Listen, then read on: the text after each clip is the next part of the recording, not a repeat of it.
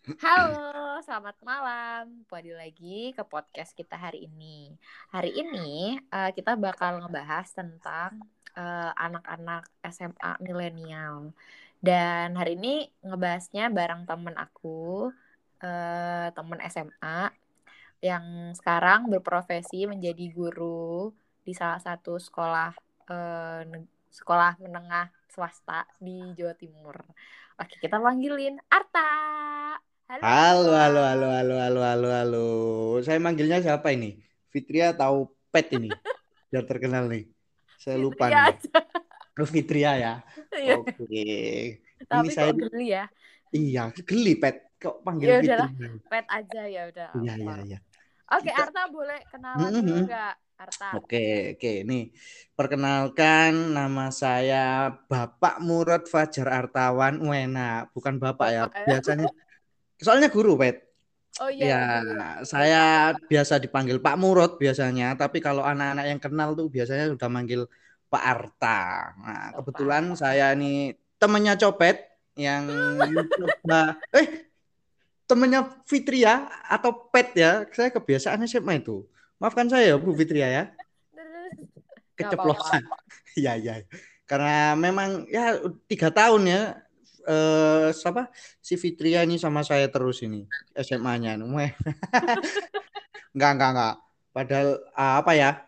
Sampai mana tadi saya? Saya ngajar oh ya saya lupa. Saya temennya Fitria atau Pet Pet ini. Saya lulus kuliah di UM dan langsung mengajar di salah satu sekolah swasta SMA di Malang tepatnya yaitu SMA Laboratorium Universitas Negeri Malang. Enggak tanya ngajar apa, Mbak Fitria? Tanya atau iya, tidak? Iya, Pak, saya baru mau nanya nih, Pak. Oke, oke, oke. Oke, mungkin kebiasa kebiasaan banyak orang Pet ya, memanggil itu guru olahraga. Nah, tapi hmm. ketika saya kuliah itu Pet ada ilmu baru. Ternyata guru olahraga sama guru pendidik eh, ternyata guru olahraga itu eh, salah salah sebenarnya bukan guru olahraga tapi guru pendidikan jasmani olahraga dan kesehatan wah oh kalau kita waktu sekolah SMP itu sebutannya penjaskes gitu ya Pak ya? Nah, betul Ibu. Iya, betul Ibu itu. Oh, penjaskes. Atau PJOK. PJOK. Nah, PJOK. Oh, PJOK. Oke. Okay. tuh. Gitu Ibu. Nah, setelah ya mungkin Anda tahu sendiri ya kenapa saya masuk di sini ya, masuk PJOK ya. Karena saya paling pinter PJOK ya Ibu Copet. Makanya saya mencontoh Anda semua ya, tapi tolong jangan ditiru ya anak-anak ya. Biasaan mencontoh ini. Gitu Ibu Copet. Cukup perkenalannya Bu. Oh cukup Pak, cukup. Oke. Oke, oke. Eh, kita santai Belakang. aja Pak, santai okay. aja. Oke. Oke. Terus saya uh, pertama ini Bu. Oke, gimana gimana? Uh, waktu jadi guru itu pertama kalinya gimana tuh Pak buat beradaptasi kan dari kuliah hmm. terus kan tiba-tiba langsung kerjaan pertama itu jadi guru. Nah, iya, itu betul. gimana tuh adaptasinya? Adaptasi ya uh, kalau di Fitria dulu waktu apa kuliah itu kan ada apa KKL atau apa? Praktek kerja lapangan ya atau apa itu namanya? Kalau oh, di iya, iya. KKN, KKN. Oh bukan, kalau KKN kan kuliah apa? PKL. Nah ya PKL. Nah kalau kalau di pendidikan kan ada yang namanya PPL atau KPL nih, kuliah apa ngajar lapangan atau apa saya lupa itu. Pokok PPL yang ngajar ke sekolah-sekolah itu. Oh iya. Nah jadi itu di semester 6 kalau nggak salah udah mulai mengajar. Jadi pertama awalnya saya nggak nggak punya impian atau cita-cita buat ngajar bu apa itu ngajar? Nggak punya cita-cita itu bu. Nah, tapi ya itu keblusuk lek Jawa ini keblusuk keblusuk eh. iya 2006 lulus ter 2000 eh du, sorry 2016 bulan September lulus Januari mencoba melamar alhamdulillah keterima. Jadi di situ pertama saya mungkin saya masih guru muda ya masih belum menemukan taste-nya. Oh enak eh jadi guru kok ini wah lek Jawa nih ngono Oh. Enaknya Tapi jadi guru itu kayak gini. Waktu pas PKL itu berarti belum nemu uh, feel-nya ya? Ah, belum, belum. Karena guru. karena PKL-nya atau KPL-nya itu hanya satu setengah bulan, 40 hari ya. Kalau yang dulu-dulu di SMP kebetulan saya waktu itu dapat di SMP. Kebetulan SMP-nya juga SMP Lab OM juga. Jadi kebetulan juga. Jadi banyak mengenal keluarga besar lab laboratorium ya waktu KPL itu. Jadi di situ Bu, satu bulan setengah coba ngajar, ya alhamdulillah. Oh, ternyata gini. Caranya ngajar sungguhan atau ngajar ke siswa itu seperti ini, anak-anak SMP seperti ini. Yang menemukan ya apa ya? Oh, ternyata ngajar itu kayak gini, jadi guru kayak gini. Nah, tapi saya masih belum punya feel oh, enak ngajar, enjoy ngajar. Belum, belum, belum punya itu. Akhirnya waktu Januari itu nyoba set. Nah, itu udah masuk 2017. Uh, satu tahun masih belum nemu feel, masih belum nemu feel lah sampai dua tahunan mungkin belum nemukan feel. Oh enaknya jadi guru itu gini. Tapi setelah ada kejadian yang bikin apa ya, bikin oh kebetulan ini ibu saya kan guru TK juga kan. Mm -mm. Ibu saya tuh bilang gini, waktu itu saya suruh berhenti, ibu ibu berhenti aja. Ibu bilang gini, Kak Isole, Jawone ya, Jawone sih nanti tak tak tak translate. Jo, Kak Isole, ibu ibu lek gak ndelok arek sedino iku gak seneng. Gak bisa, ibu kalau sehari nggak lihat anak, anak-anak kecil-kecil itu nggak nggak seneng, kurang gimana gitu loh katanya. Ada yang kurang lengkap ya. Ah, ah betul. Hmm. Akhirnya saya coba apa ya? Nah, suatu ketika waktu itu saya mendampingi anak-anak lomba. Kebetulan waktu itu langsung sekitar ya dua tahun, satu tahun setengah saya kebetulan langsung ditunjuk di kesiswaan kebetulan hmm. disuruh megang ekstrakurikuler waktu itu 26 ekstrakurikuler ya saya dikasih tantangan bisa nggak? Akhirnya saya nyoba megang 26 ekstrakurikuler itu uh, ya yang ngatur ada pelatihnya sendiri tapi ngatur. Waktu itu mendampingi anak-anak lomba paskib wah itu saya agak terenyuh itu. Waktu itu anak-anak waktu mau lomba saya coba kasih motivasi dan lain-lain Kemudian setelah lomba itu ada ucapan satu tim itu, satu peleton itu bilang, Pak Murad, terima kasih ya Pak Murad. Waktu itu dapat peringkat 9 kalau nggak salah, peringkat 9 Jawa Timur. Dari berapa itu? Dari berapa ya? 28 atau berapa gitu loh, Bu. Wow. Yang kebetulan ya anak-anak juga ah itu itu yang bikin saya feel-nya gimana gitu langsung. Terus ada lagi kejadian lagi waktu TLC. TLC itu cheerleader, Bu. Cheerleader. Oh. Waktu itu juara, kebetulan juara, juara satu, alhamdulillah. Nah itu juga ada ucapan terima kasih dari anak-anak itu langsung saya, oh mungkin ini feelnya enaknya jadi guru itu gini, disalimi anak-anak. Apa disalimi bahasa Indonesia-nya apa? Iya salim pak, ya iya. Iya salim ya. Nah, itu di salami bu, disalami, salim, salami bu, kok salimi, salami. Nah itu itu langsung saya ngerasa oh feelnya mungkin saya terlalu cepat bilang bilang itu udah feelnya ya. Karena saya kebetulan masih muda masih belum seperti guru-guru senior senior yang ngajar udah puluhan tahun. Karena saya masih empat setengah tahun bu. Mungkin oh jadi kebanyakan hmm. di sekolah lab school itu dia eh, kebanyakan masih yang senior ya yang muda-muda itu masih sedikit cuma iya mungkin seni ada 50 guru mungkin seniornya 30 eh ya 35-an mungkin Bu 35 oh, mungkin. lebih dari setengah berarti. Ya, ya, lebih dari setengah. Itu, hmm. Ibu. Mungkin itu sih yang bikin feel tapi awal-awal ngajar itu ada kejadian unik biasa lah. Kalau guru baru apalagi SMA itu gimana sih, Bu? Waktu kita SMA biasanya apalagi ada guru muda, kurus, kecil, kita olahraga juga ginian, Bu. Ya itu kebayang nggak kalian yang nah, dengerin ini kurus, kecil, itu nah, kebayang kan mukanya Arta. jangan dibayangin, jangan dibayangin.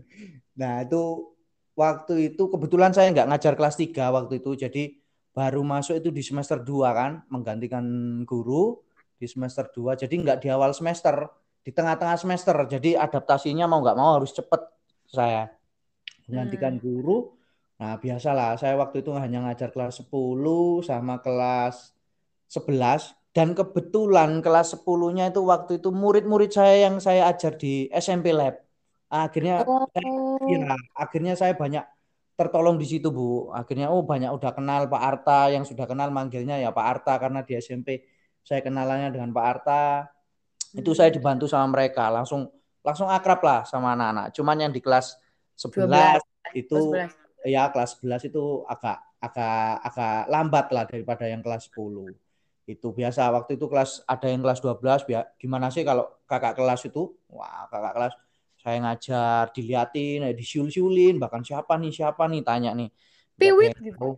enggak oi oi oi gitulah. Kayak oh, kayak gitu. uh, kayak apa namanya uh, ngelama ibaratnya kayak ngelama ya, saya rasa itu wajar wajar. Guru muda pasti akan menghadapi siswa seperti itu itu itu itu pasti itu itu udah pasti itu udah pasti. Nah, ya alhamdulillah lambat laut. Mereka tahu saya gimana. Kebetulan di apa namanya di luar sekolah mereka tahu saya gimana gimana gimana. Akhirnya ngobrol apalagi anak laki-laki yang sering bermain futsal. Nah, mereka sedikit banyak tahu tentang saya. Akhirnya di situ mulai mulai akrab. Saya pegang yang laki-laki dulu yang saya akrabi yang senior, senior akhirnya nah di situlah mulai mulai akrab, mulai kenal sama mereka, mulai terjalin komunikasi yang bagus. Oh, gitu. Bu. Itu sih awal-awal sih seperti itu sih. Awal-awal seperti itu adaptasi bangun pagi. Jadi kayak anak sekolah, Bu. Bangun hmm. pagi. Bangun pagi, nyiapin materi dan lain. Karena saya nyangkanya itu Ibu copet dulu sekolah gimana guru olahraga. Anda tahu sendiri gimana kan, Bu ya? Iya, iya. Nah, itu mungkin mungkin yang lain juga sama tahu, tapi ketika saya masuk di sini, mulai ngajar di sini, ada hal yang beda. Oh, uh, guru PJOK itu enggak enggak seharusnya yang saya rasain dulu. Nah, di sini uh, apa ya? menciptakan banyak permainan ceria. Pokok intinya saya ingat pesan dosen saya, Bu. Apa tuh? anak itu harus tiga ber. Apa tuh? Bergerak, berkeringat, bergembira. Wah. Wah, mantap itu, Tiga ber itu, Bu. Nah, mungkin ya saya rasa semua guru olahraga yang milenial-milenial itu udah udah menerapkan itu bu. Sama yang senior senior sih. Sebenarnya senior senior saya yang lulusan UM yang saya tahu yang tergabung di lingkup Kota Malang guru olahraga Kota Malang itu ya saya banyak belajar dari mereka tuh bu. Oh ya Bu Copet di Jawa Timur nih Bu Copet ya. Oh kok Bu Copet? Bu Fitria ya. Di Jawa Timur tuh ada perkumpulan guru Jawa Timur guru olahraga guru PJOK Jawa Timur. Namanya MGMP Jawa Timur Bu. Nah ah. itu mungkin anak-anak ini mungkin pendengar ini biar tahu. Jadi guru yang punya perkumpulan dan setiap tahun sering berkumpul itu salah satunya guru olahraga, guru PJOK Bu. Oh, sama ada grup WA gitu ya biasanya. Nah, kalau grup WA sejawa Timur nggak ada, cuman oh, cuman ada. setiap tahun pasti kita berkumpul. Sejawa Timur itu pasti berkumpul di kota ini, di kota ini. Terakhir itu berkumpul di Jember. Jadi Bayangin guru olahraga se guru PJOK se Jawa Timur kumpul, waduh, banyak lakinya tuh. Hmm. Banyak oh, orang olahraga orang PJOK biasa terkenalnya itu uraan, Bu. Iya uraan sih terkenal. Ya, betul ya. uraan, tapi ketika saya lihat senior saya, weh, uraannya itu beda kalau sudah kalau sudah senior, Bu. Uraannya beda, oh. lebih apa ya? Wah, mandang guru PJOK yang tua, yang senior itu segan itu loh Bu. Apa makanya kebanyakan anak-anak kan banyak yang takut sama guru PJOK. Mungkin Ibu bisa ngerasain sendiri deh. Gimana sih kalau lihat orang berengosen, badannya tinggi, besar, waduh, rambutnya rapi, bajunya rapi gitu loh Bu. Hmm. Iya gitu. iya iya. Iya sih ya. Ada ada aura beda, auranya beda gitu ya. Iya iya aura Bu. Iya, aura. Ya, Bukan aura kasih ya Bu ya. joget nanti saya. Oke, okay. uh, eh, terus ya tak kan ya, itu ya. hadapin anak milenial ya dari pas SMP sama SMA. Nah ya. itu gimana perbedaannya menghadapi ya, anak ya. milenial? Sedangkan kan kita sendiri tuh ya milenial tapi nggak ya. anak zaman sekarang gitu Iya betul betul betul betul betul. Uh, zaman kita dulu HP itu paling bagus sudah SMS itu udah paling bagus bu ya SMS ya, gratis. Nanti ingat kan kita SMS ya. gratis ya. BlackBerry itu udah udah paling top kan. Kita ya. aja mungkin main Facebook bu ya dulu ya. Uh-uh. Facebook ya itu itu udah paling bagus. Tapi memang pengaruh apa namanya media sosial dan milenial itu sangat berpengaruh sekali bu ke ke anak-anak, ke siswa, ke remaja utamanya. Uh, ada satu hal yang di, ditakutin oleh semua guru saya kalau kalau saya lihat sama sering saya berbincang-bincang sama guru-guru senior itu hmm. itu mengenai adab ya jadi mengenai adab jadi apa ya ya anak anak cenderung sering bermain HP, terus kehidupannya itu ibaratnya kayak punya kehidupan ganda beberapa anak itu di media sosial sama di aslinya. Berbeda gitu ya, waktu aslinya ya. gimana, di sosmed gimana? Jadi jadi yang ditakutkan sih sebenarnya kalau buat uh, yang ditakutkan guru buat anak-anak yang milenial sekarang tuh itu mengenai adab. Tapi insya Allah Eh, guru-guru yang uh, seperti saya apalagi yang senior saya udah udah mulai belajar gimana bermain media sosial. Karena mau nggak mau kita harus harus mengikuti anak-anak itu bu. Harus mengikuti anak-anak seperti itu. Karena ya siapa tahu kayak, kayak pernah kejadian itu di daerah mana itu kan ada yang siswa mengupload gurunya apa namanya menjelaskan kemudian direkam gurunya kemudian apa dikasih emotikon emotikon ya yang menurut saya kurang beradab. Hmm. kurang seperti itu. Gurunya senior mereka dia nggak pernah lihat media sosial dan apa apa tapi di media sosial dia seperti dipermainkan. Seperti hmm. itu terus uh, milenial sekarang itu apa bu ya saya oh ya bu ada kejadian lucu waktu pertama saya masuk itu saya kaget ketika melihat uh, waktu itu awal-awal ada grab ada gojek hmm. ada gitu-gitu tuh bu nah kalau kita kan jajannya di kantin biasa di kantin kan, biasa yeah. di iya. kantin apa. Nah, itu saya lihat kebetulan sekolah saya ya di tengah kota, Kota Malang. Mm -hmm. uh, saya lihat, wih, anak-anak gosen rek, Gojek, GoFood dan lain-lain. Go ya, nah, GoFood dan lain-lain. Uh, saya tanya nih, iseng nih saya nih. Iseng saya. Eh, sangu sangumu piro? Bahasa Jawa nih. Uang sakumu berapa? Dua puluh ribu pak. Wih, sehari. Iya pak, dua puluh ribu. Wih, wih, wih, wih, wih, wih. Nah, itu mulai saya melihat, oh anak-anak zaman sekarang itu udah seperti ini. Saya aja dulu SMA masih lima ribu, Bu. Iya, kita dulu kayak iya. lima ribu tuh udah dapat nah, banyak gitu nggak ya, Tak? Nah, tuh.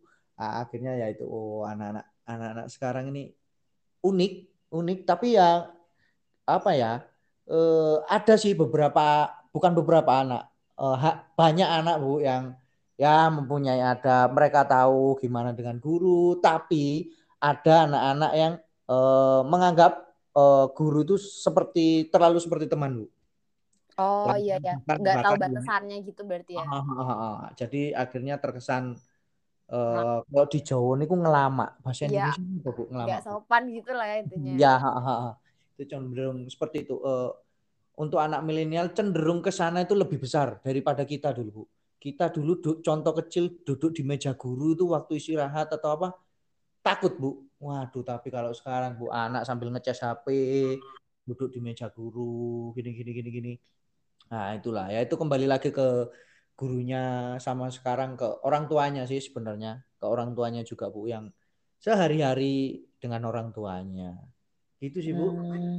kalau anak tapi ngomong-ngomong adab ya ya kan kadang hmm. tuh uh, ada beberapa orang tua atau bahkan hmm. mungkin guru yang dia itu lebih cenderung mengedepankan uh, yang penting anak-anak ini tuh adabnya bagus dibanding akademiknya. Nah, kalau Arta sendiri tuh lebih mengedepankan apa nih? Terus caranya gimana buat uh, mengedepankan hal itu gitu. Misalnya, ya, apa milih yang mana emang?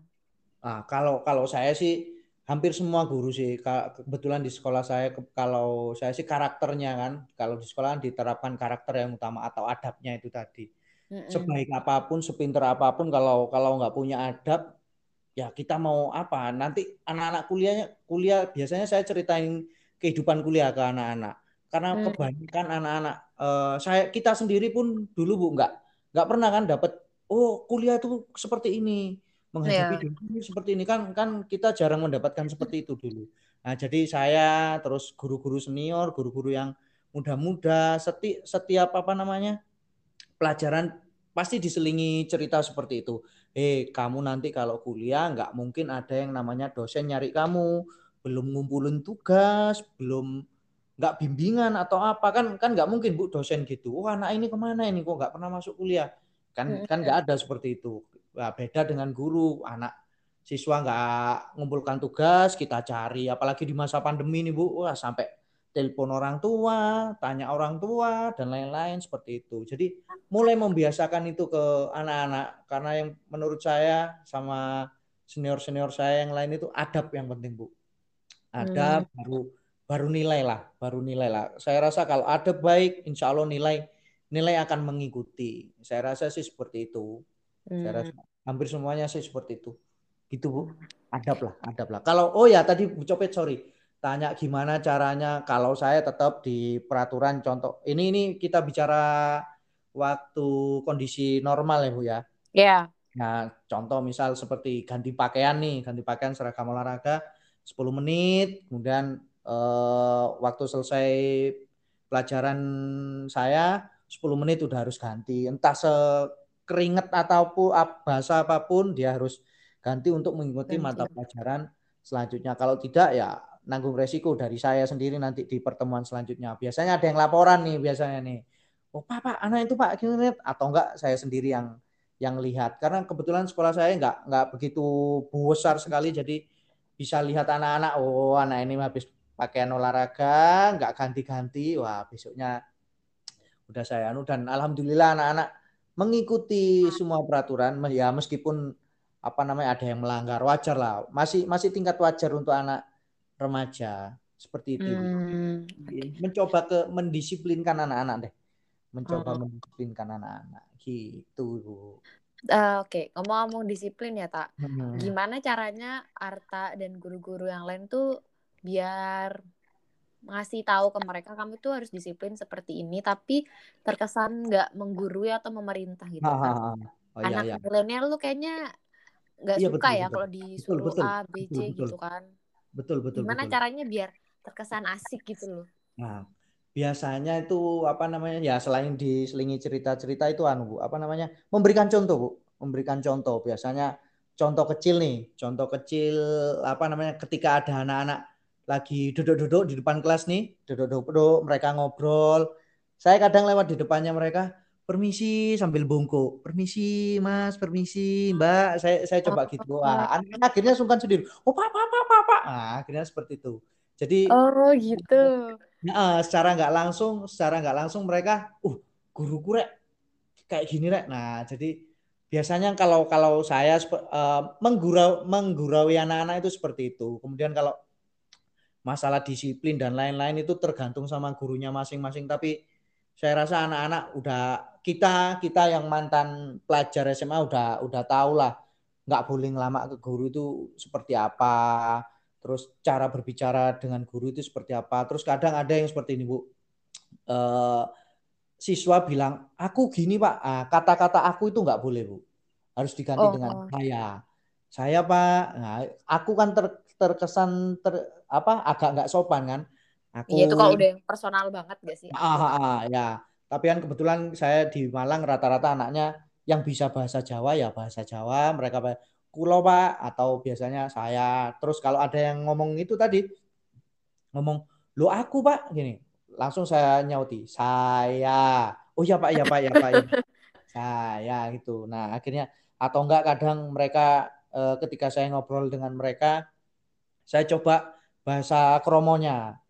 Bahasa kromonya. Jadi jenengan harus kayak gini jenengan kayak gini. Nah jadi anak-anak tahu tak dengan kromo. Biasanya kan ada yang tahu ada yang enggak gitu. Ah, ah, ah, ah. jadi saya lihat lihat anaknya juga tapi ke, kebetulan di sekolah saya itu banyak anak perantau juga. Lampung. Ya oh. Sumatera rata-rata eh, yang ngikut orang tuanya berpindah-pindah. Kan sekolah swasta ibu. Sekarang kan sekolah negeri kan apa namanya zonasi ada sistem zonasi itu iya. Nah, rata-rata yang orang tuanya bukan asli Malang Malang mereka di sekolah di sekolah saya seperti itu jadi ya lucu kadang apalagi yang kan ada pelajaran bahasa Jawa nih. Kebetulan istri saya juga ngajar bahasa Mandarin sama bahasa Jawa. Wah, itu biasanya anak-anak itu ceritanya ke saya kebetulan. Pak, Bu Firly Pak, nerangin apa itu saya nggak tahu anak Sumatera tuh. Lucu tuh. Anak Sumatera. Eh, terus kamu gimana? Ya Pak, diem aja Pak. Lah wong saya orang Sumatera gimana? Nah, jadi kisah-kisah apa? Kita mencontohkan langsung, Bu, mencontohkan langsung ke anak-anak eh, adab itu gimana, disiplin itu gimana. Jadi ya meskipun saya kadang selengean atau gimana, ya tidak dikelihatkan lah di depannya anak-anak itu. Tidak hmm. dikelihatkan. Hmm. Jadi kalau di depan anak-anak ya mencoba seperti Bu Ismi itu loh Bu. Wah, masih ingat Bu iya. Ismi? Tahu masih dong. Itu guru-guru panutan saya, Bu. Wah, ngomong-ngomong Bu Ismi nih, Bu. Coba uh, inget Jumanji dulu nggak, Bu? Nah, aku lupa. Jumanji. Itu yang gimana ya, Taya? Yang Jumanji yang setiap ulang tahun kita dikerjain. Oh iya, iya. Ingat ya, yang saya pakai kena tak ya Allah. Nah, yang saya pakai kresek tuh, celana kresek tuh, Ben. Nah, tuh nyanyi di depan kelas dan lain-lain. Saya mencoba seperti itu kalau untuk anak milenial sekarang itu nggak bisa, Bu. Eh, karena apa ya nggak nggak masuk di iya. mereka. Iya. kemudian mereka kadang ya merasa minder takut direkam teman-temannya diupload di media sosial dan lain-lain. Tapi kalau kita kok tambah seneng ya dulu ya? Seperti itu soalnya dulu kayaknya nggak itu tak nggak takut dengan sosmed. Malah bener, kita bener. belum tahu kan sosmed tuh ngapain iya betul betul. Nah, mungkin kalau Bu Ismi denger ini ya. Wah itu halo Bu Ismi Jadi gitu Pak. Tapi ya aku setuju hmm. sih tak tentang membuat orang lain tuh menjadi sungkan. Soalnya hmm. itu nggak berlaku cuman ke anak yang lebih muda sih. Bahkan mungkin sepantaran atau yang ke lebih tua juga kita bisa sih. Kayak pernah aku dulu tuh ya Gimana? mungkin ada orang tuh minta tolong gitu ya. Tapi dia tuh lupa ngomong terima kasih. Terus aku aja yang bilang terima kasih. Nah, iya iya iya. Betul Ibu, ya gitu, itu. Kan? Iya, Iya kan, benar-benar. Betul betul betul betul. Itu biasanya terjadi di WA, Bu. WA-nya anak-anak tuh. Kadang Bener, tuh enggak kadang tuh enggak salam, Bu ya. Langsung gini nih, Pak Murad, besok materinya apa? Wah, langsung tuh Bu saya jawab tuh. Waalaikumsalam. Oh, langsung saya jawabin Waalaikumsalam, Bu. Bener, oh iya, Pak. Assalamualaikum gitu. Iya benar-benar. Karena takutnya nanti ketika anak-anak kuliah ya, mungkin kalian mendengar ini ya anak-anak ya. Ketika kalian kuliah, ketika menghadapi dosen, nggak tahu di di IPB ada nggak bu? Dosen yang ya saya rasa semua dosen sih ya. Apa namanya kalimat kita terus ucapan kita cara kita mau WA singkat singkatan kata itu kan ada aturannya bu ya? Iya. Nah kan ada kalau di dosen olahraga itu PJOK itu ada yang setiap salah titik koma ketika menghadap besok untuk bimbingan nah itu push up lima kali. Ya ampun oh, sampai gitu sih kita uh, ya, itu kan di di PJOK di ilmu keolahragaan di Fakultas Ilmu Keolahragaan seperti itu. Terkenalnya ya seperti itulah kita akrabnya kita akhirnya di situ dengan dosen. Karena secara nggak langsung itu ngajarin kita oh iya rek. Nge, nge WA orang tua apa menghubungi orang tua jam-jamnya seperti apa terus kalimatnya seperti apa. Itu kan itu kan yang mungkin ketika kita SMA kita nggak dapat itu bu. Betul bu ya? Kita SMA nggak dapat seperti itu kan? Dari guru kita kan belum dapat karena memang dulu kondisinya masih tidak semilenial sekarang. Nah tapi sekarang kita mencoba ngajarkan ke siswa oh kalau WA guru itu patutnya jamnya jam segini jangan sampai jam 9 ya meskipun kadang anak-anak bercanda dengan saya lebih dari jam 9 sih itu ada. Hmm. karena saya kan ya ngakrapin dengan anak-anak mencoba akrab dengan anak-anak seperti itu. Kadang ya salam lah yang utama itu salam. Salam terima kasih. Itu betul betul kata Bu Copet itu tadi. Iya betul, tolong ya tolong. ya kata tolong gitu gitu. Betul betul betul. Iya iya iya. Hmm. wah uh, tapi gimana, terus ya tak kalau hmm. uh, apa namanya di musim pandemi kayak gini hmm. kan berarti semua masih daring ya atau udah Iya, offline? betul, betul Bu daring. Jadi kemarinan sempat mau masuk nih tanggal besok tanggal 12 nih sempat mau masuk nah, tapi berhubung... Ini setelah satu tahun nggak masuk atau gimana? Oh, oh, oh satu tahun oh. kita masuk. Kemarin sih masuk ya cuman beberapa kali kita apa rolling, sistem rolling dan lain-lain. Tapi yang jelas di mata pelajaran saya masih tidak diperbolehkan untuk praktek. Hmm. Masih tidak diperbolehkan tidak praktek tuh. Jadi kemarin sempat bingung Bu di awal tahun itu gimana nih P, PJOK nggak praktek nih gimana nih? Iya. Ya, uh, ya satu rumpun satu rumpun perkumpulan guru di mana namanya di Malang kemudian di sekolah juga berkumpul. Nah akhirnya kita menjelaskan materi-materi esensial yang ketika waktu normal itu hanya dijelaskan mungkin satu kali atau dua kali pertemuan. Contohnya narkoba, kemudian kesehatan remaja, kemudian penyakit menular seksual, kemudian HIV. Nah, itu yang biasanya ke, ketika keadaan normal itu dijelaskan satu atau dua pertemuan, Bu. Nah, ini kita lebih rinci di situ. Tiga oh. sampai empat pertemuan di situ tuh. Nah, mungkin kita SMA pun waktu SMA nggak pernah mendapatkan materi itu Bu ya. Iya iya, ini tuh Iya. makanya kayak Nah, baru gitu nggak sih? Dulu kan kita ya udah cuma praktek ah, olahraga. Nah, kalau ini tuh hmm. sampai ke hal-hal yang kesehatan juga ya ternyata tak. Nah, ya betul. Jadi sebenarnya itu di kurikulum itu udah ada mulai 2007, Bu. Saya makanya saya kayak, wah, waktu kuliah Oh. sih sebenarnya udah udah ada mata kuliah seperti itu udah ada. Nah, waktu SMA ini udah mulai saya terapkan waktu masuk itu kan dijelasin hanya satu atau dua kali pertemuan saja. Kurang maksimal. Nah, akhirnya di di pandemi ini bersyukurnya pandemi ini kita bisa banyak menjelaskan di materi itu. Karena kita nggak menutup mata anak SMA milenial nggak jauh dengan hal-hal seperti itu. Seperti benar. narkoba, kemudian seperti eh, mohon maaf eh, seksual pergaulan bebas dan lain-lain. Seperti itu tuh nggak jauh nggak jauh apa ya? Ya kita nggak menutup mata lah. Ada kemungkinan-kemungkinan seperti itu itu ada. Nah jadi kita menutupnya memberitahunya seperti itu. Dan anak-anak Bu Copet apalagi yang laki-laki ketika penjelasan materi seperti itu wah itu waktu itu Zoom. Nah kebetulan di sekolah saya kan setiap hari Zoom. Setiap hari itu mulai jam 7 sampai jam 2 kita itu Zoom terus sesuai mata pelajarannya Zoom terus jadinya. Jadi nggak ada jeda maksudnya nggak ada nggak ada mata pelajaran yang terlewat tanpa tatap muka melalui Zoom itu. Jadi memang ya seperti sekolah biasa Zoom cuman kita via Zoom itu tadi. Mm-mm. Jadi waktu itu saya jelasin di kelas 11 HIV.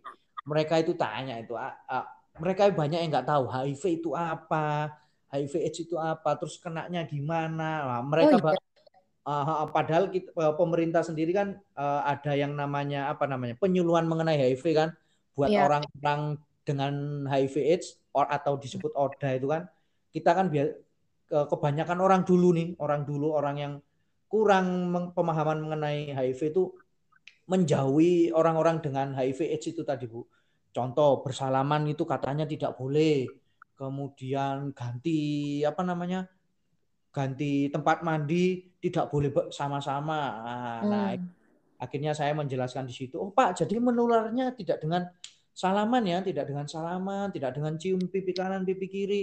Oh enggak, jadi menularnya hanya melalui darah, kemudian berhubungan seksual, kemudian apa namanya ganti suntik jarum bergantian seperti itu. Wah, Hmm. banyak dari mereka yang tahu. Oh, saya punya pengalaman juga. Oh, saya punya saudara Pak seperti ini. Wah, itu akhirnya dijauhin sama keluarga saya ya. Tempat makannya beda, kemudian waduh, di terlalu di apa isolasikan gitu loh Bu. Akhirnya Dikucilkan ya. Nah, ya dikucilkan seperti itu. Nah, akhirnya jadi mereka ya tahulah mengenai hal-hal seperti itu. Contoh lagi minum minuman keras itu seperti apa, kemudian narkoba golongannya itu seperti apa, yang dimaksud narkoba itu apa. Oh, bahkan ada anak-anak yang kritis nih, yang mereka biasanya lihat di media sosial, kemudian hanya membaca atau mengikuti eh, tok seorang tokoh yang apa ya, seorang tokoh yang eh gimana ya jelasinnya? Menurut mereka itu asik. Menurut Iya, mereka ya. itu Kayak asik. udah dijadiin panutan mendapat- gitu lah ya. Betul, dijadiin panutan. Nah, contoh mengenai ganja. Oh Pak, kenapa ganja ini di Amerika seperti ini kok? Seperti ini, seperti ini, seperti ini dibolehkan intinya. Di Indonesia kok nggak boleh gini, gini, gini, gini. Wah, itu akhirnya saya mulai menjelasin gini, gini, gini, gini. Akhirnya Hmm. mereka paham. Wah, karena mereka melihat ya itu tadi panutan. Terkadang panutan eh, apa ya? Anak-anak melihat panutan itu pokok enak buat dia. Ya Kadang menurut mereka gitu ya. asik, mereka dibikin enjoy dengan dia dan lain-lain. Sampai mereka lupa, oh ini ada yang merugikan orang lain, ini ada yang merugikan dirinya sendiri bahkan. Wah itu seperti itu Bu. Akhirnya banyak interaksi waktu saya jelasin. Saya pun nggak nyangka waktu itu jelasin materi ini sama eh, guru guru-guru yang lain, guru PJOK yang lain. Wah responnya anak-anak ya lumayan, bukan lumayan lagi, bagus sekali responnya. Mereka Hmm. itu akhirnya kepo dalam tanda kutip kepo kepingin tahu banyak. Lupa kok kayak gini pak? Kok kayak gini pak? Contoh apa lagi ya kemarin ya. Oh ada yang bercerita oh pak teman saya waktu SMP pernah lempar pil kuning kuning lima pak lima sekaligus. Nah itu ada namanya pil pil koplo itu loh bu. Mungkin pernah Oh. dibeli pil itu warnanya kuning. Nah itu atau istilahnya pil anjing gila.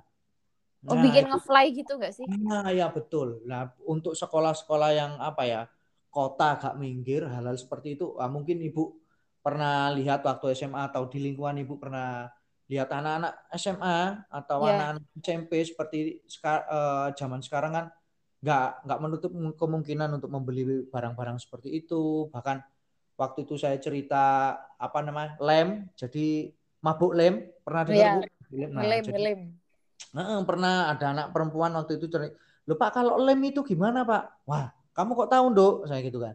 "Iya, Pak, pernah waktu itu teman saya SMP pulang sekolah saya saya lihat dia bawa lem Fox itu kuning. Iya, lem Fox kuning itu dihirup, Pak." Wah, hmm. akhirnya saya jelasin, "Pernah nggak kalian bau bau lem?" "Oh iya, Pak, pernah." "Enak kan?" "Enak." Nah, itu akhirnya dihirup terus-terusan. Nah, kalau dihirup terus-terusan efeknya seperti ini. Saya tunjukin gambar-gambarnya, Bu. Ya ibaratnya apa ya biar mereka tahu kalau kamu menggunakan seperti ini jangankan anak SMA bu. Baru-barusan baru-baru aja nih artis ada yang ketangkep karena ada narkoba. Padahal mereka sendiri udah tahu apa akibatnya kan seperti ini bahkan kehidupannya dia juga juga, juga mapan. Apalagi anak SMA bu yang nggak tahu gini-gini ketika dia tahu barang enak yang bisa membuat wah tugas-tugasku tak tinggal sih.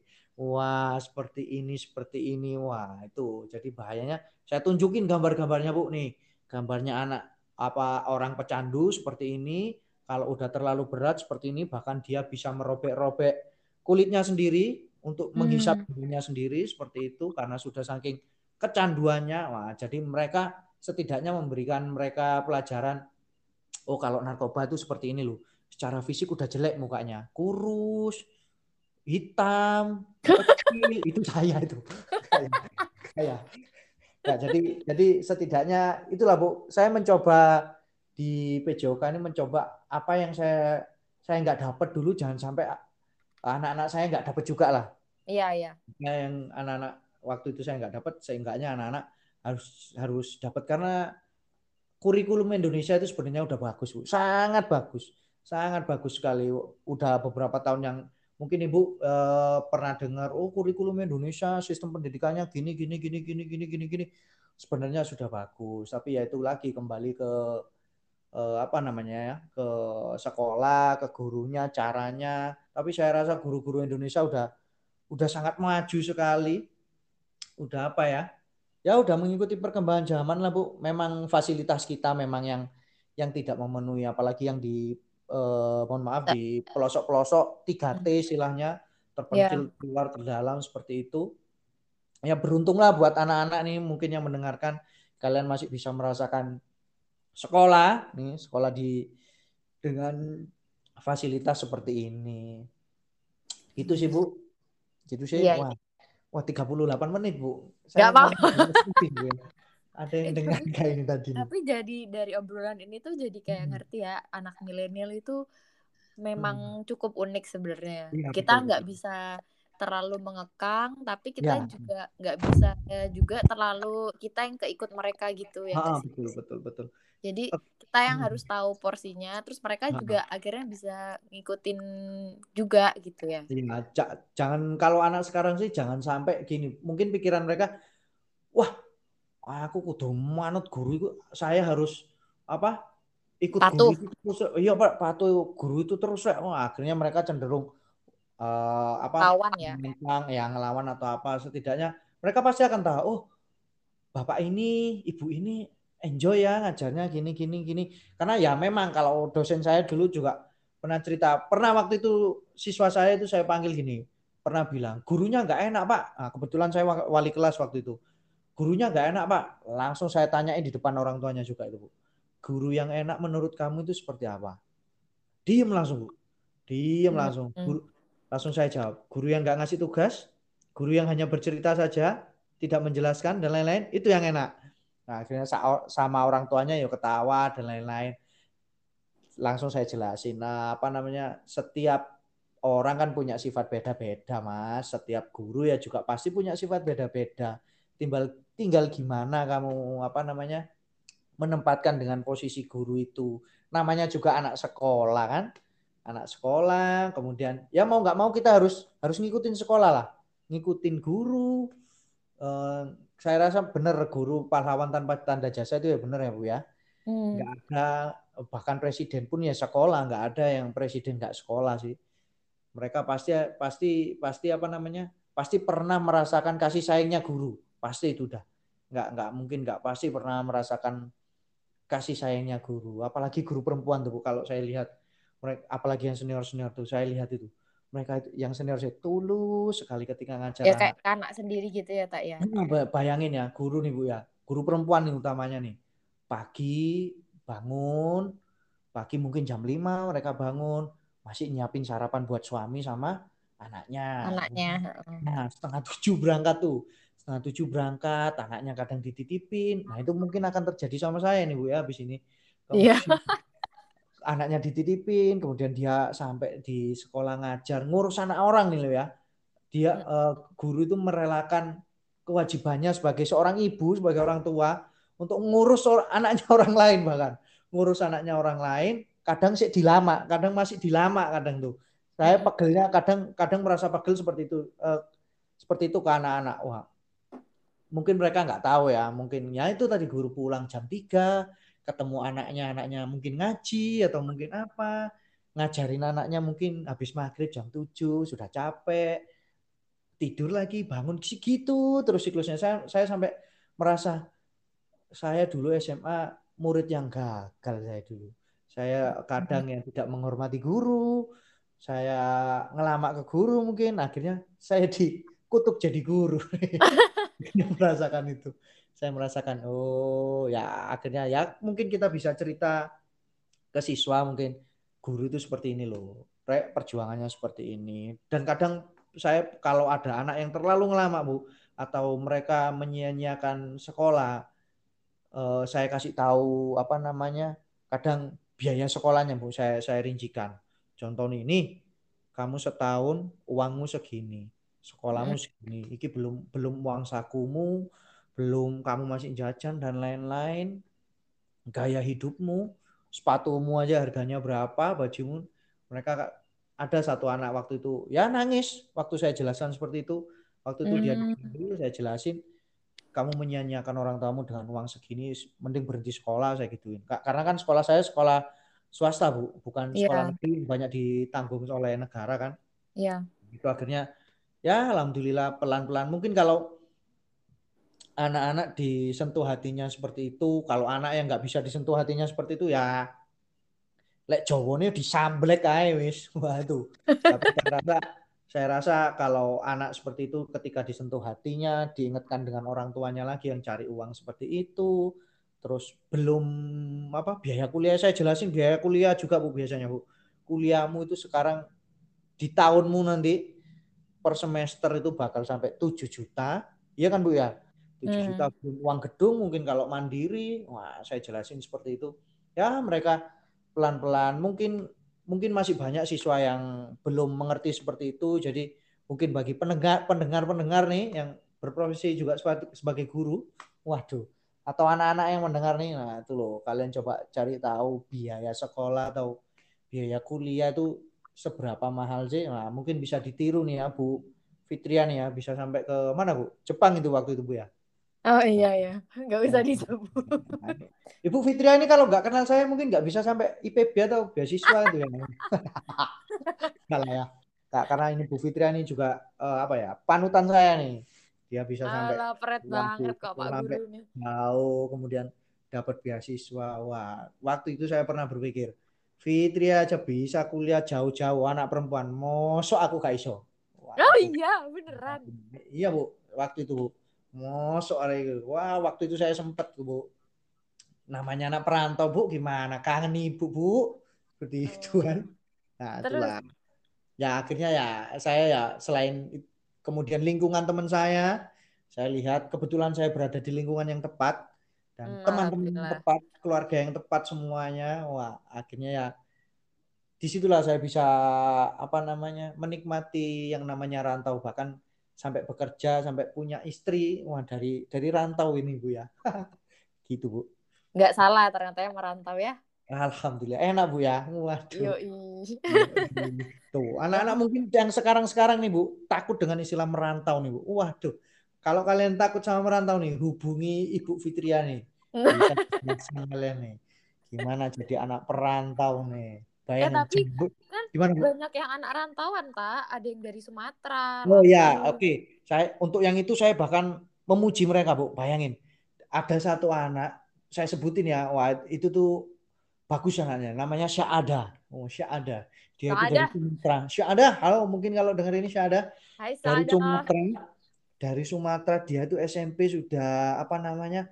Sudah merantau, bayangin. Merantau ke Bogor kalau nggak salah. Bogor atau mana ya? Saya lupa. Bogor atau Kediri ya? Saya lupa. Bogor. Pokok dia itu dari SMP merantau, SMA ke SMA Lab, kemudian kuliah ya di UB akhirnya di sini. Waktu itu saya tanya iseng, Dok, kenapa kamu kok kepingin merantau? Nggak tahu Pak, saya itu hanya kepingin mondok. Jadi dia memang pondok, di pondok, tinggal di pondok, tapi sekolahnya sekolah swasta, sekolah-sekolah Oh. formal seperti Oh, gini. berarti Bu. bukan karena ikut orang tua pindah kerja. Enggak, enggak. Sendiri Bu, makanya itu saya, Oh, gila. berani ya. Makanya itu saya, wah, perempuan juga tuh Bu, SMP bayangin. SMP Keren. udah di pondok, wah itu saya ada tuh.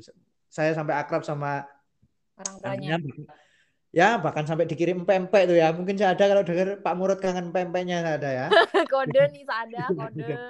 Nah itu itu tuh saya ada tuh. Saya saya saya kagum. Kemudian ada si Rezi itu juga dari Sumatera. Wah banyaklah anak-anak saya. Kalau saya sebutin satu-satu itu juga Keren. juga ya anak seusia mereka SMA merantau mengelola uang sendiri bu ya. Keren. Itu jarang loh yang bisa loh. Mengelola bener. uang umur Jarang, segitu susah. Betul betul. Kita karena kita SMA nggak ada sih teman kita yang merantau nggak ada ya. Hanya Enggak saya sih. aja ya waktu itu ya. Saya kan dari Uganda waktu itu. Kalah ya. Karena ya anak-anak seperti itu Bu yang waktu itu saya berpikiran bahwa anak milenial itu mungkin cenderung negatif ternyata oh banyak anak-anak yang wah istimewa lah mereka Iya saya. sih. Kadang tuh kita menilai anak milenial negatif tuh karena ngelihat Betul, sosmednya dulu, tak. Betul, Jadi Bu, tuh betul, betul. udah apa image-nya tuh kok anaknya gini ya padahal ternyata kalau di dunia aslinya kan belum tentu seperti Mm-mm. itu gitu Iya kan betul. Heeh, Tapi memang Bu, dunia media sosial itu kalau kalau saya lihat itu berpengaruh besar sekali ke anak-anak. Mulai caranya dia berpakaian, kemudian Heeh. mereka bersepeda motor, kemudian apa lagi ya bers ah banyak ya banyak banyak ya contoh kecil sepeda motor anak SMA pakai sepeda motor gede kan udah keren lah bu udah keren Hmm. di cewek uang udah bla bla bla bla waduh seperti terus ya upload upload kemudian mungkin kita bisa lihat sendiri sih di di komentar komentar media sosial sampai akhirnya Indonesia dijulukin apa namanya masyarakat paling tidak terpuji ya di media sosial. Nah itu ya itu memang ketika kita lihat itu ternyata anak SMP bicaranya seperti itu, anak SMA bicaranya seperti itu ya mungkin benar kalau kata ahli-ahli Indonesia itu kaget ketika tahu ada media sosial seperti ini. Kita nggak pernah diajarin cara bermedia sosial dengan baik dan benar. Kemudian ya unggah-ungguh yang biasanya kita apa namanya ketika ketemu orang eh, Ya, sopan santun berbeda dengan media sosial sangat beda jauh sekarang mana ada komentar yang isinya positif semua ketika ada upload-uploadan contoh di Indozone nggak ada kayaknya ya. apa, wah saya rasa pasti ada yang negatif makanya saya wah ini memang tantangan guru untuk masa depan bu ya. Iya lagi-lagi berarti emang Hmm. PR terbesarnya itu betul. akhlak atau adab ya nggak Betul, secara betul, betul, eh, betul, apa betul. namanya offline tapi Betul, juga betul. secara sosial media bermain sosial media yang baik itu juga perlu nggak sih? Betul. Dan saya rasa bukan hanya guru Bu yang berperan, mungkin Bu Fitria, orang tua juga ya yang tua, kemudian ya mungkin artis-artis yang terkenal-terkenal tuh bisa mencoba apa namanya mencoba ngasih contoh ya ngasih contoh. Yang kaget itu Bu, saya yang podcastnya Deddy Corbuzier dengan Uus tuh yang terbaru tuh. Uus oh bisa ya ah, Uus bisa bicara, Bang Uus tuh bisa bicara seperti itu di masa pandemi. Kita itu nggak butuh apa namanya, bla bla bla, butuh ayo dibantu, yang mampu ayo bantu yang nggak mampu. Heeh. Nah, mungkin bisalah artis-artis atau orang-orang yang eh, terkenal di media sosial itu me, apa namanya mengedukasi cara berkomentar yang baik karena yang melihat itu bukan bukan orang seperti kita seusia kita anak SMP yeah. SMA kan mereka melihat seperti itu mereka melihat seperti itu. Wah, makanya itu, itu juga hmm. penting nggak sih ada kontrol sosial media? Harus harus harus. Ya, dari orang tua apalagi Betul. terutama ya. Harus harus. Nah karena kan kadang orang tua pernah kejadian waktu itu saya waktu ya mohon maaf eh, keluarganya sedikit kurang mampu. Waktu itu ada tunggakan di dia. Ketika itu saya lihat media sosialnya. Anak ini kok gaya hidupnya seperti ini padahal orang tuanya seperti ini. Akhirnya waktu itu saya ya saya singgung sedikit lah nggak tahu waktu setelah itu storynya di hidden atau enggak di ya, atau apa saya nggak tahu. Tapi setidaknya saya saya hal seperti itu banyak bu. Hal seperti itu saya rasa banyak. Anak dengan orang tua kondisi seperti ini tapi ketika di media sosial hidupnya seperti ini gaya hidupnya seperti ini. Wah itu tuh itu saya rasa banyak tuh.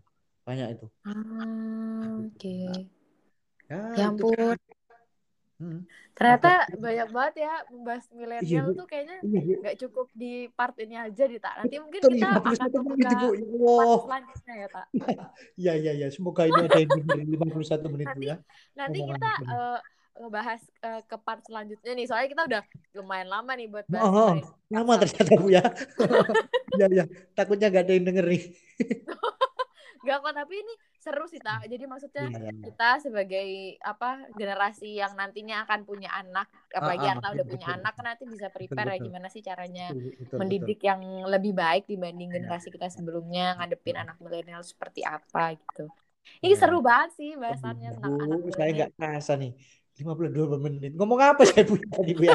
Bukan dengar ya gitu bu ya nanti nah. nanti boleh ya tak kalau misalnya kita oh, uh, iya. ngobrol uh, lagi tentang milenial yeah, yeah, yeah. entah boleh nanti sama uh, anak muridnya Arta atau iya, gimana yeah, boleh yeah. ya menarik tuh ya saya juga pesen nih sama sama Bu Fitriani ini nih ini kan Bu Fitriani uh, yang menurut saya nih bisa dijadikan panutan sama beberapa anak nih ya waktu itu kan sempat saya mau ngajak Bu Fitria join di Zoom sekolah oh, iya. mau kan sempet tapi berhubung waktu itu masih ada kendala masih ada ya masih belum belum bisa lah karena saya saya rasa Bu Fitria ini salah satu contoh yang ya teman saya sendiri saya tiga tahun dengan beliau nih dengan Bu Fitria nih mungkin bisa memberikan contoh oh ini loh ketika SMA seperti ini ketika kuliah itu seperti ini anak rantau gini gini gini dan lain-lain apalagi ada Nurma tuh teman oh, kita oh, iya. ya itu kan merantau tuh dia Iya benar-benar. Ingin anak-anak anak-anak itu mendengarkan ya motivasi mungkin dari ibu mungkin ibu melalui podcast nih nah, podcast ini nih podcast yang sebelum sebelumnya juga saya sempat mendengarkan sekilas ya memang ya mungkin ini bisa mengedukasi bu bisa mengedukasi meskipun ibu bukan guru ya tapi ya. bisa memberikan edukasi lah ke ke pendengarnya semoga makin banyak pendengarnya bu ya Amin dan semakin bermanfaat tentunya. Ah, pasti pasti ya betul betul. Amin. Betul, betul. Oke, okay. aku rasa kayaknya cukup oh, kita. Sangat cukup bu, udah panjang nih. Seru banget soalnya tak. Ya sama seru sama Bu Fitria nih. Saya mau mohon maaf ya bu ya, manggil Bu Fitria, Bu Copet, Bu Fitria tuh. Biasa bu. Iya iya. Gak apa-apa, tak nggak apa-apa. Ya, ya udah. Uh, anyway, terima kasih banyak ya. Sama-sama Bu. Sama-sama Bu. Sehat-sehat selalu. Iya, Arta juga dan keluarga. Yap. Mohon maaf ya kalau misalnya. Sama-sama Bu. Mohon maaf juga Bu ya. Ya udah. Ya udah okay. kalau gitu Darta sampai jumpa. Dadah Bu, ya. terima kasih. Assalamualaikum. Waalaikumsalam. Gila kan